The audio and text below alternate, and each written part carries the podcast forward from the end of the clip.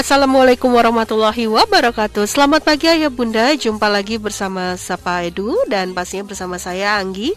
Dan untuk menemani pagi ayah bunda Tentunya ayah bunda semua bisa dengarkan kami Melalui suaraedukasi.kemdikbud.go.id Atau melalui aplikasi televisi edukasi. Dan ayah bunda juga bisa download podcast program acara Suara Edukasi Melalui aplikasi Spotify.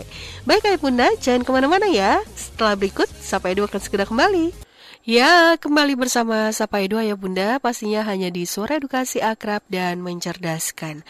Ayah Bunda, apa kabar pagi ini? Mudah-mudahan Ayah Bunda semua dalam keadaan sehat walafiat ya.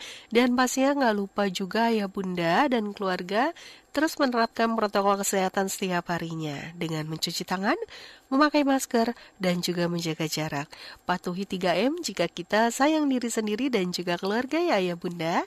Nah, sambil mengisi waktu ayah bunda di pagi ini, yuk sama-sama dengarkan Sapa Edu dengan tema mengatasi kejenuhan belajar anak selama pembelajaran jarak jauh. Wah, ini kayaknya semuanya orang tua alami ya ayah bunda ya.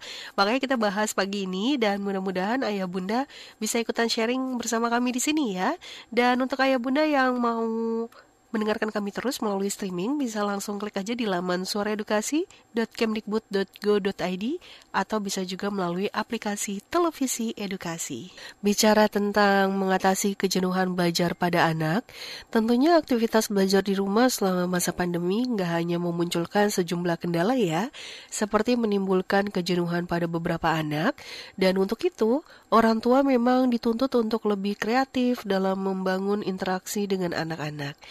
Interaksi baik yang terbangun nantinya diharapkan bisa membuat anak tidak begitu kehilangan interaksi fisik ya, yang biasanya dimiliki uh, di sekolah atau yang ia biasa lakukan di sekolah bersama dengan teman-temannya dan Bapak Ibu guru di sekolah. Nah, maka Bunda juga harus membangun interaksi tersebut di rumah. Peran orang tua di rumah ini sangat penting sekali untuk mendampingi putra-putri belajar di rumah dan menerapkan sistem pembelajaran daring atau pembelajaran jarak jauh menjadikan orang tua sebagai wakil guru bagi anak-anaknya. Peran serta orang tua dalam kegiatan belajar akan berbeda-beda tentunya tergantung pada kebutuhan dan juga penyesuaian kelompok usia anak ya. Pada kelompok usia anak prasekolah misalnya dan sekolah dasar.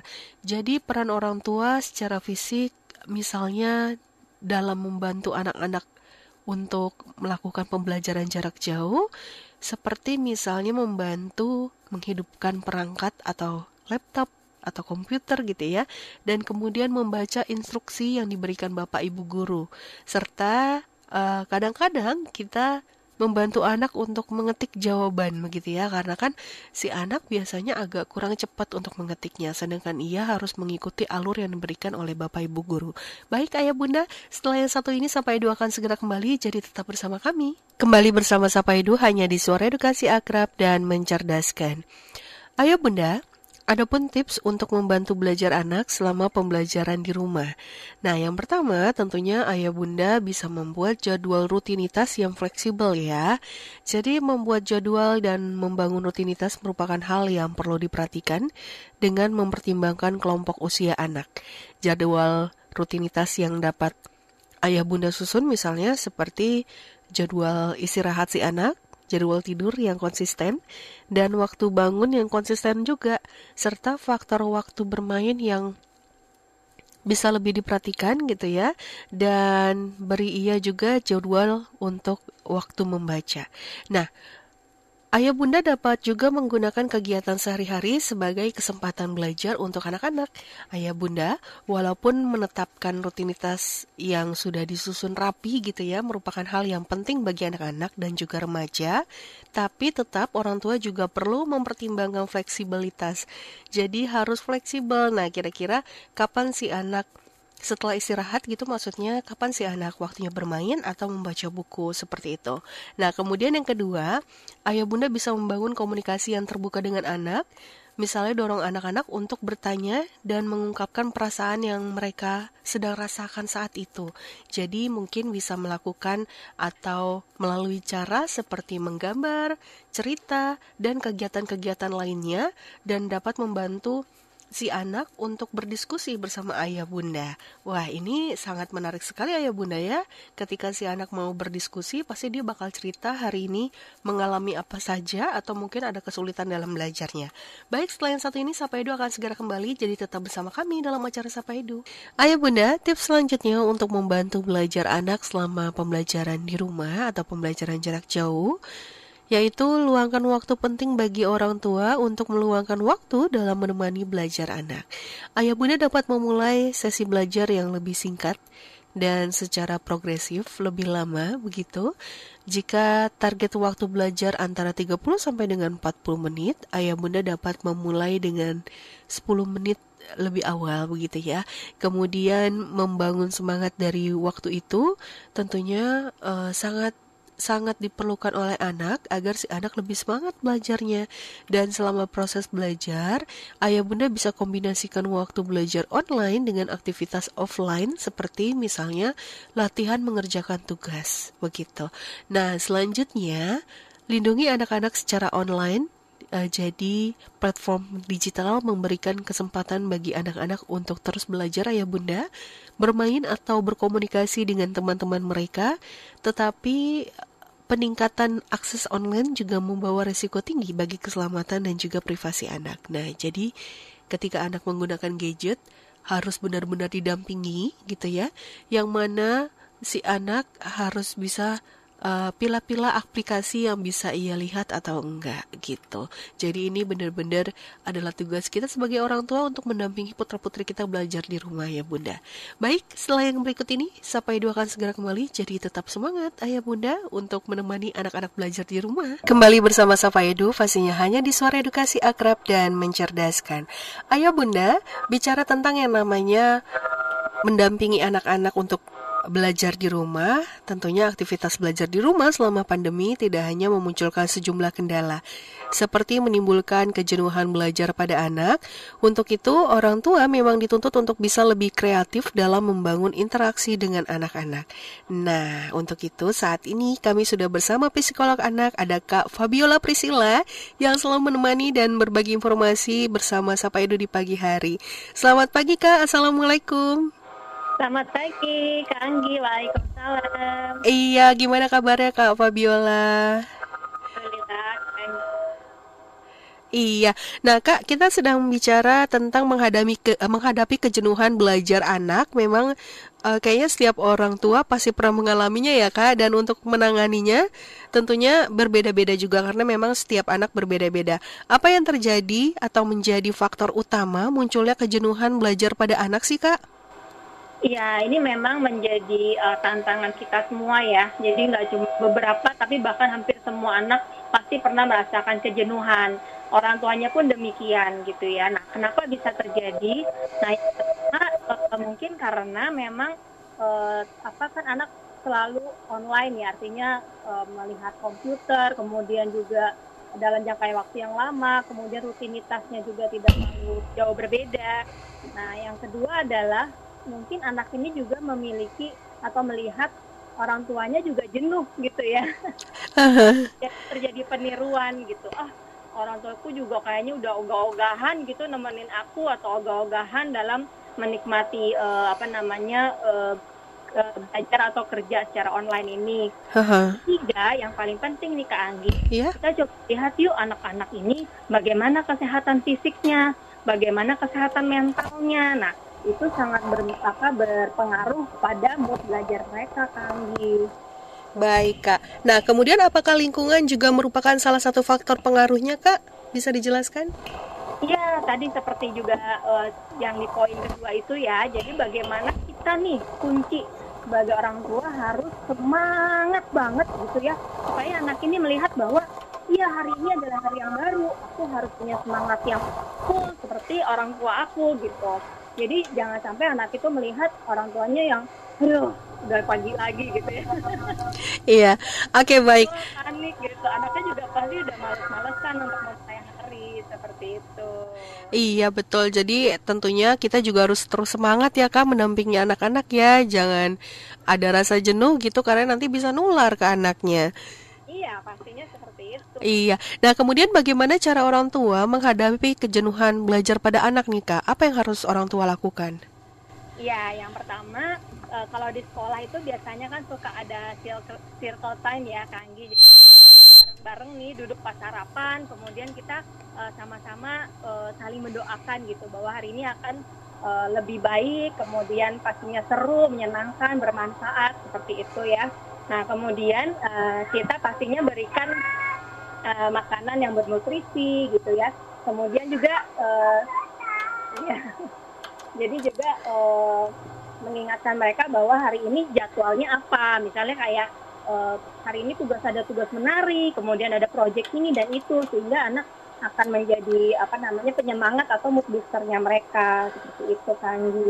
Baik kak. Nah jika berbagai cara nih kak sudah dilakukan oleh orang tua, tetapi si anak masih aja gitu terlihat jenuh. Apa kira-kira solusinya kak? Oke, nah yang bisa dilakukan adalah kita cek lagi nih jadwal mereka gitu kan.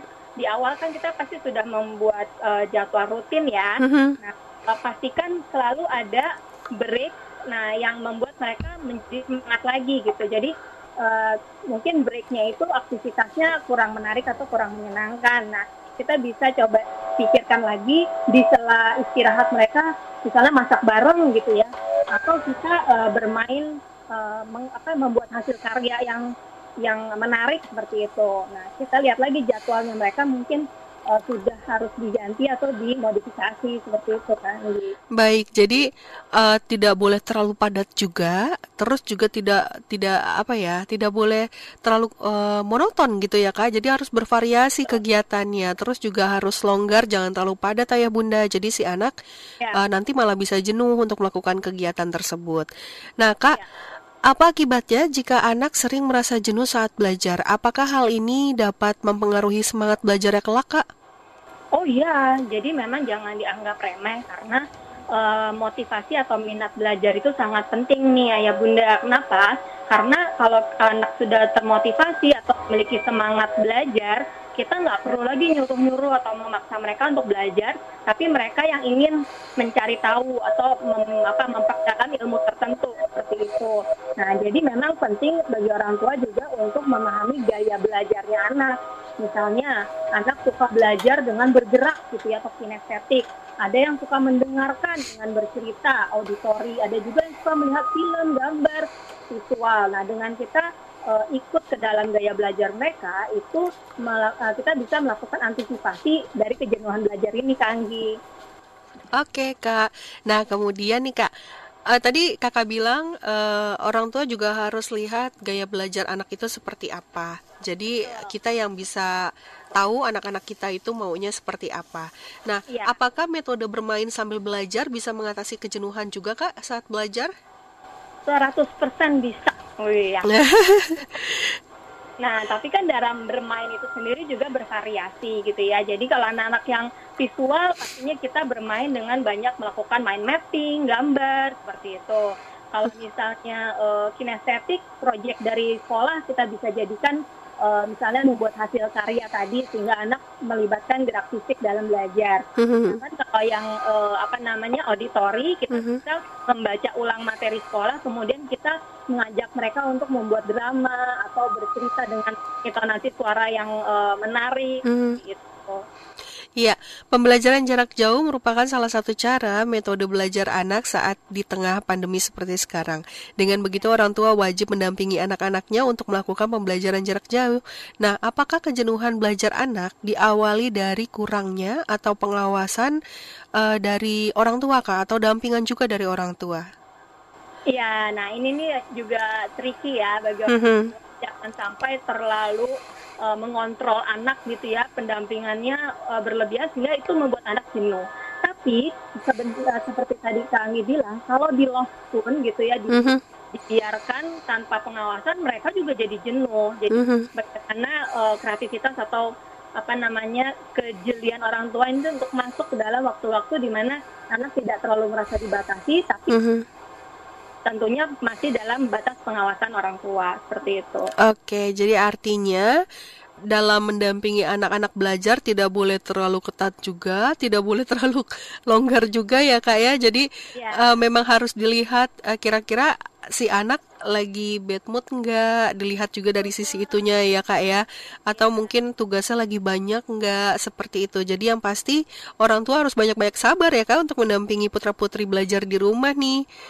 Iya apalagi tadi kan kalau mm -hmm. bete gitu mm -hmm.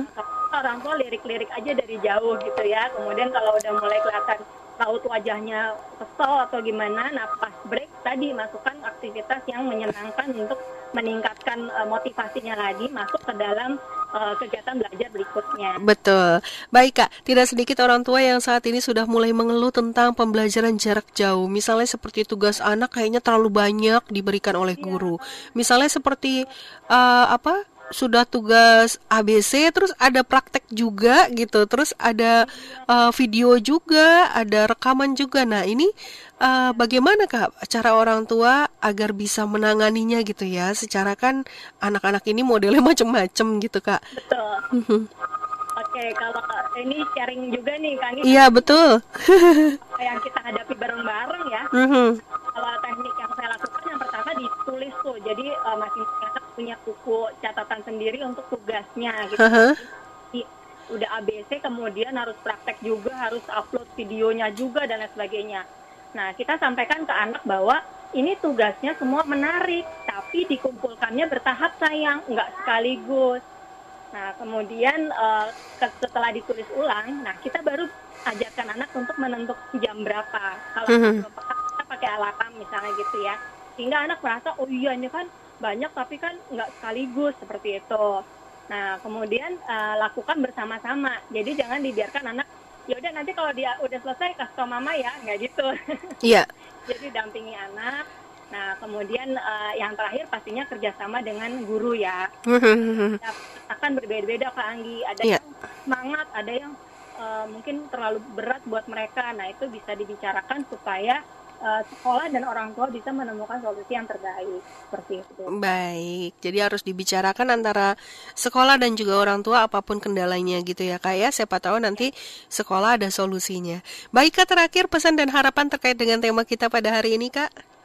Ya, memang kejenuhan dalam belajar online ini di alami oleh banyak hampir semua orang gitu ya. Jadi orang tua tidak perlu merasa uh, wah ini gimana caranya karena ini pasti bisa dialami. Bisa mm -hmm gitu ya. Mm-hmm. Kemudian yang kedua, uh, kejenuhan anak itu tidak bersifat abadi, artinya up and down gitu. Jadi ketika anak sedang merasa bosan, uh, yakinlah bahwa ini hanya sementara. Mm-hmm. Melakukan tadi saran-saran yang sudah kita bahas bersama seperti itu.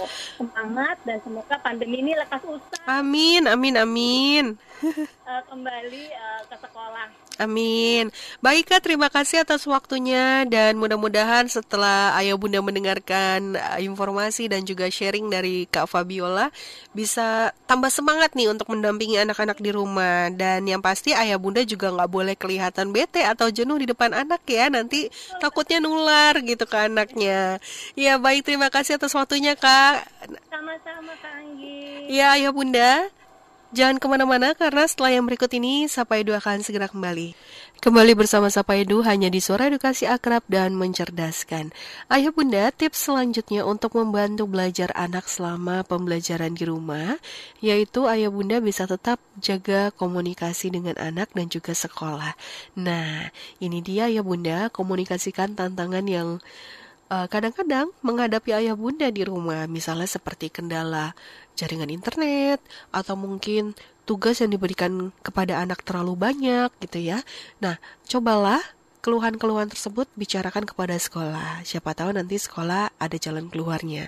Jadi kalau misalnya kita cuma diem aja dan menerima gitu ya, sedangkan si anak juga nggak bisa menerima tugas terlalu banyak karena memang kan kalau anak usia dini harus pelan-pelan juga gitu belajarnya. Nggak boleh terlalu diporsir juga, nggak boleh terlalu banyak juga karena memang masih dalam dunia belajar sambil bermain. Nah, jadi Alangkah baiknya ayah bunda coba bicarakan kepada pihak sekolah. Mudah-mudahan ada solusinya. Baik ayah bunda, setelah yang berikut sampai Edu akan segera kembali jadi tetap semangat untuk mendampingi anak-anak belajar di rumah. Ayah bunda, bicara tentang yang namanya aktivitas belajar di rumah, tentunya orang tua adalah peran utama untuk mendampingi putra-putri di rumah eh, selama pembelajaran jarak jauh. Nah, untuk itu ayah bunda dituntut untuk sangat-sangat sabar untuk mendampingi anak-anak karena memang biasanya anak kalau sudah jenuh, wah, sudah susah gitu ya untuk dimulai kembali uh, belajarnya. Sepertinya sudah uh, lama sekali kurang lebih sekitar satu tahun anak-anak mengikuti pembelajaran jarak jauh atau PJJ dari rumah masing-masing dan tidak jarang guru, orang tua menemui siswa atau anak-anaknya yang mulai merasa jenuh menjalani rutinitas pembelajaran jarak jauh.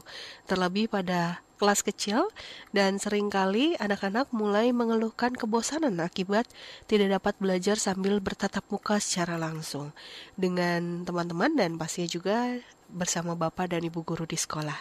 Rasa jenuh dan bosan ini akhirnya berakibat pada penurunan konsentrasi dan juga motivasi belajar pada anak. Nah, dalam hal ini, tentunya orang tua yang mendampingi anak-anak secara langsung di rumah perlu memberikan perhatian khusus gitu ya untuk anak-anak agar ia mau meningkatkan motivasi belajar lagi dan mudah-mudahan ketika anak sudah mulai terlihat bosan atau jenuh, ayah bunda bisa segera menanganinya.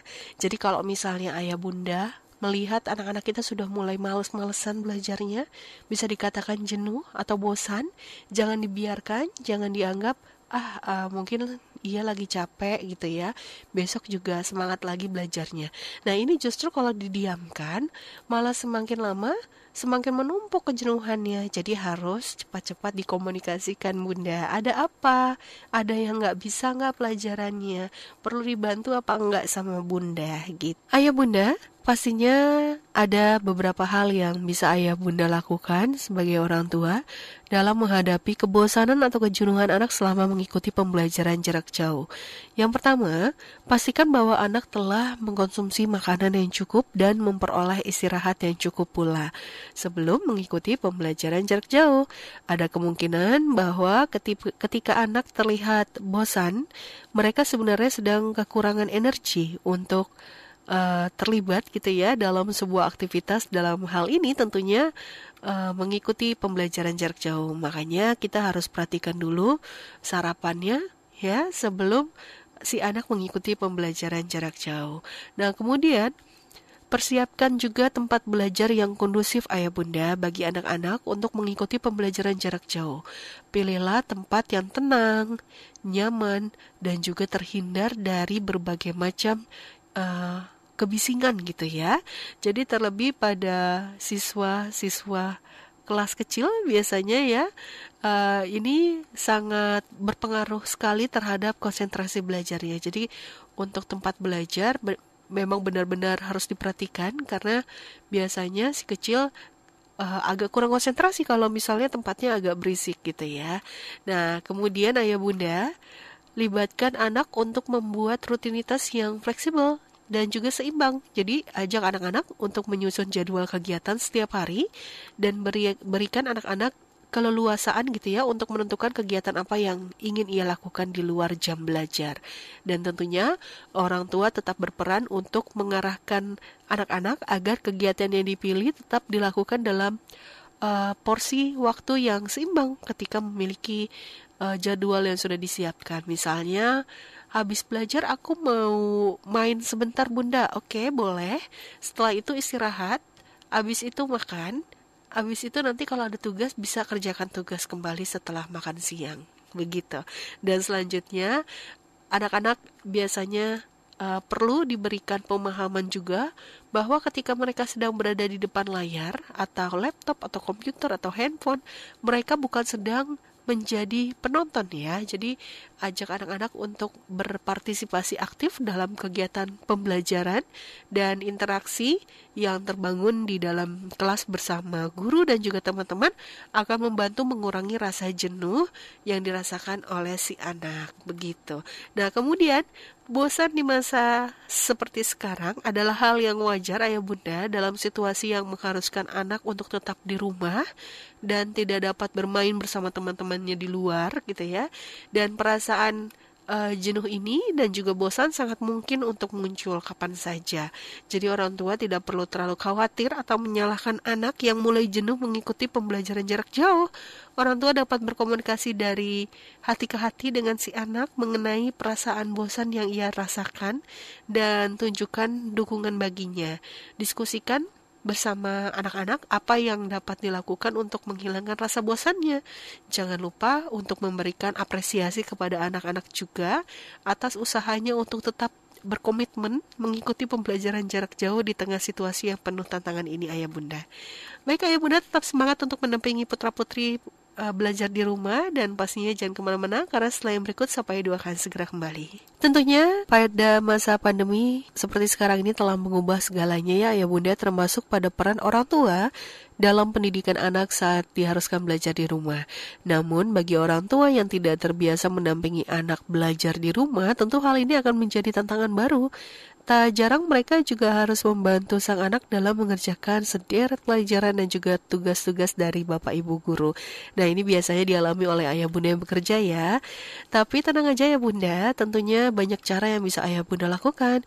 Misalnya seperti luangkan waktu ayah bunda pada saat libur bekerja atau pada saat ayah bunda sedang uh, jadwal bekerja dari rumah gitu ya. Jadi orang tua perlu mempersiapkan anak untuk mengikuti pembelajaran jarak jauh sama seperti ketika mereka mengikuti sekolah seperti biasa juga ya Bunda. Biasakan anak untuk tetap bangun pagi, mandi, sarapan dan juga tidur pada jam yang sama. Seperti ketika bersekolah sebelum pembelajaran jarak jauh. Tujuannya adalah agar anak tetap memiliki mindset bahwa meskipun di rumah aja, mereka bukan sedang berlibur, melainkan tetap bersekolah dengan cara yang agak berbeda, pembelajaran jarak jauh. Baik ayah bunda, tentunya harus terus semangat untuk mendampingi putra-putri ayah bunda di rumah menghadapi pembelajaran jauh jarak jauh ini karena kalau bukan orang tua siapa lagi yang akan mendampingi anak-anak kita. Ayah bunda, sampai di sini dulu perjumpaan kita dalam acara Sapa Edu dan semoga apa yang sama-sama kita bahas hari ini dapat bermanfaat untuk kita semua. Dan akhir kata saya ucapkan terima kasih atas perhatiannya. Mohon maaf jika ada salah-salah kata. Wassalamualaikum warahmatullahi wabarakatuh.